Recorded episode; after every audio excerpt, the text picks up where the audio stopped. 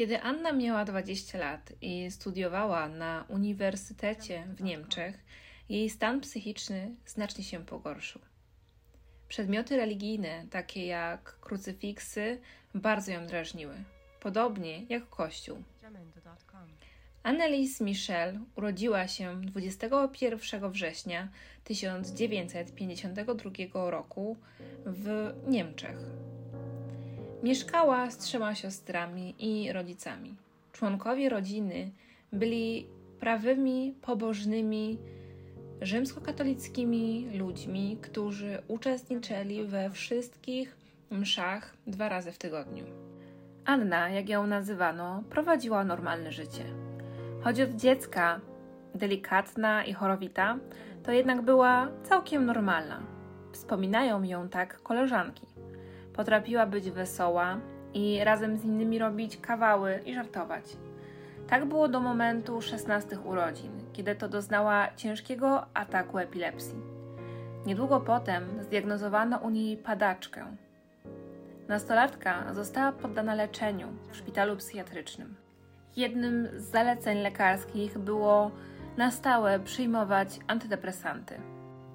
Kiedy Anna miała już 20 lat, wszystkie te przedmioty religijne zaczęły ją niesamowicie drażnić.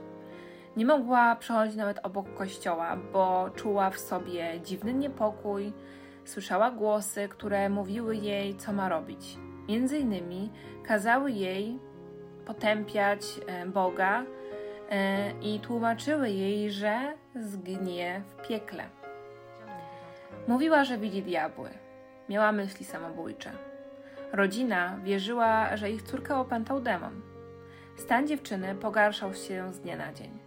Była bardzo agresywna, okaleczała się. Odma odmawiała przyjmowania leków, nie chciała jeść, a jedyne, co spożywała, to owady. Jej rodzina zaczęła szukać pomocy w kościele. W 1975 roku dwaj kapłani uzyskali pozwolenie od miejscowego biskupa na wykonanie obrzędów egzorcystycznych na Annie. Choć zastrzegał on, że rytuał ma pozostać tajemnicą. O tym nie mógł się dowiedzieć nikt, a szczególnie mieszkańcy. Trzy dni po 22 urodzinach Anny przeprowadzono pierwszą sesję egzorcystyczną. Na tym etapie odstawiono wszelkie leki, które zażywała opętana dziewczyna, skupiając się jedynie na religijnym lekarstwie. W ciągu następnych 10 miesięcy wykonano aż 67 rytuałów. Przez cały ten czas dziewczyna nie brała leków. Raz czy dwa razy w tygodniu przez około 4 godziny duchowni próbowali wypędzić demony z ciała Anny. Wszystkie sesje były nagrywane. Część z nich nadal jest dostępna online. W końcowym etapie egzorcyzmów młoda kobieta przestała jeść i pić. Zmarła w swoim domu 1 lipca 1976 roku. Ciało Anny zostało poddane autopsji. Oficjalną przyczyną śmierci było niedożywienie i odwodnienie. Ważyła zaledwie 30 kg. Miała liczne złamania, szczególnie w obrębie kolan, czego przyczyną było nieustanne klęczenie w ramach egzorcyzmów. Jej ciało nosiło ślady ekstremalnych tortur. Posiniaczona, okaleczona, z wybitymi zębami. W momencie śmierci miała ostre zapalenie płuc. Biegły sądowy stwierdził, że śmierć Anny można było uchronić. Ona wcale nie musiała umierać. Jej rodzice oraz dwójka księży zostali oskarżeni o zabójstwo. Proces rozpoczął się 30 marca 1978 roku. Wzbudził bardzo duże zainteresowanie opinii publicznej. Biegły sądowy mm, wyjaśnił również, że śmierć Anny wcale nie musiała nastąpić. Powiedział, że jej choroba miała tylko i wyłącznie aspekt tylko i wyłącznie medyczny a jej obłęd związany z religią był wywołany przez surowe katolickie wychowanie. Nie było tutaj mowy o żadnym opętaniu. Obrońcy Kościoła katolickiego twierdzili, iż egzorcyzmy były legalne z powodu niemieckiej konstytucji chroniącej ludzi praktykujących wierzenie religijne.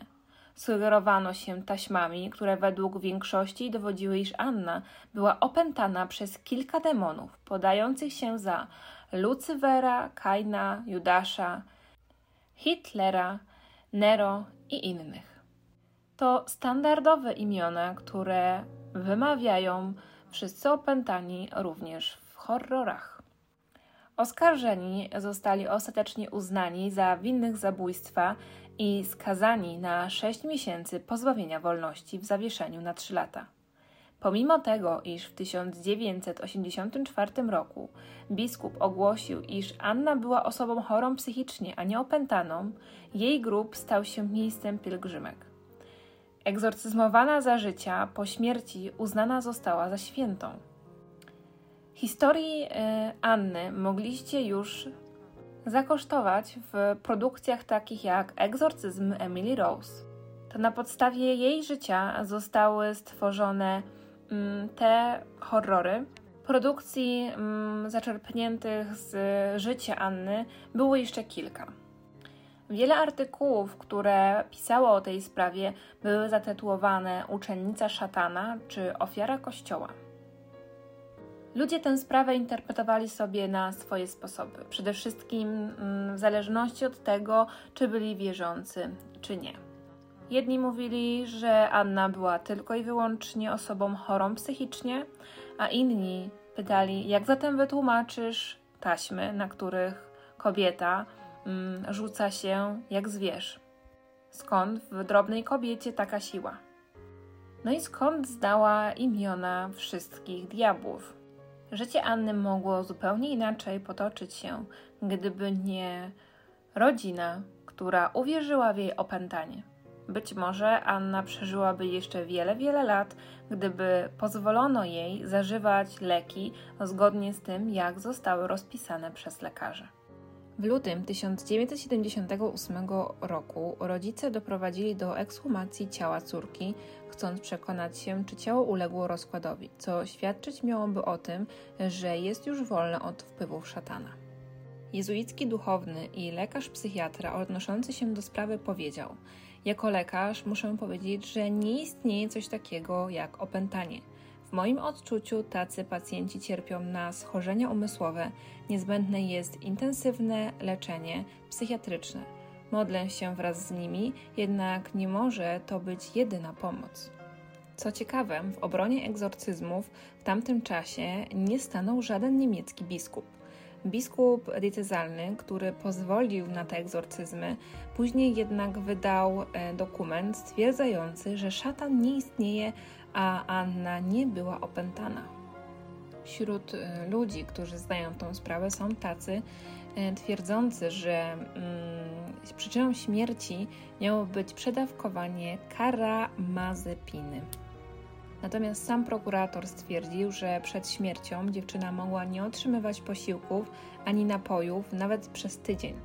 Obrona natomiast podnosiła, że na zwłokach nie stwierdzono mm, zwykle występujących symptomów e, na przykład odleżeń, kiedy właśnie mm, dochodzi do jakiegoś takiego gruntownego zaniedbania, mm, wygłodzenia i, i pozostawienia osoby która potrzebuje tak naprawdę naszej opieki i, i stałej pielęgnacji.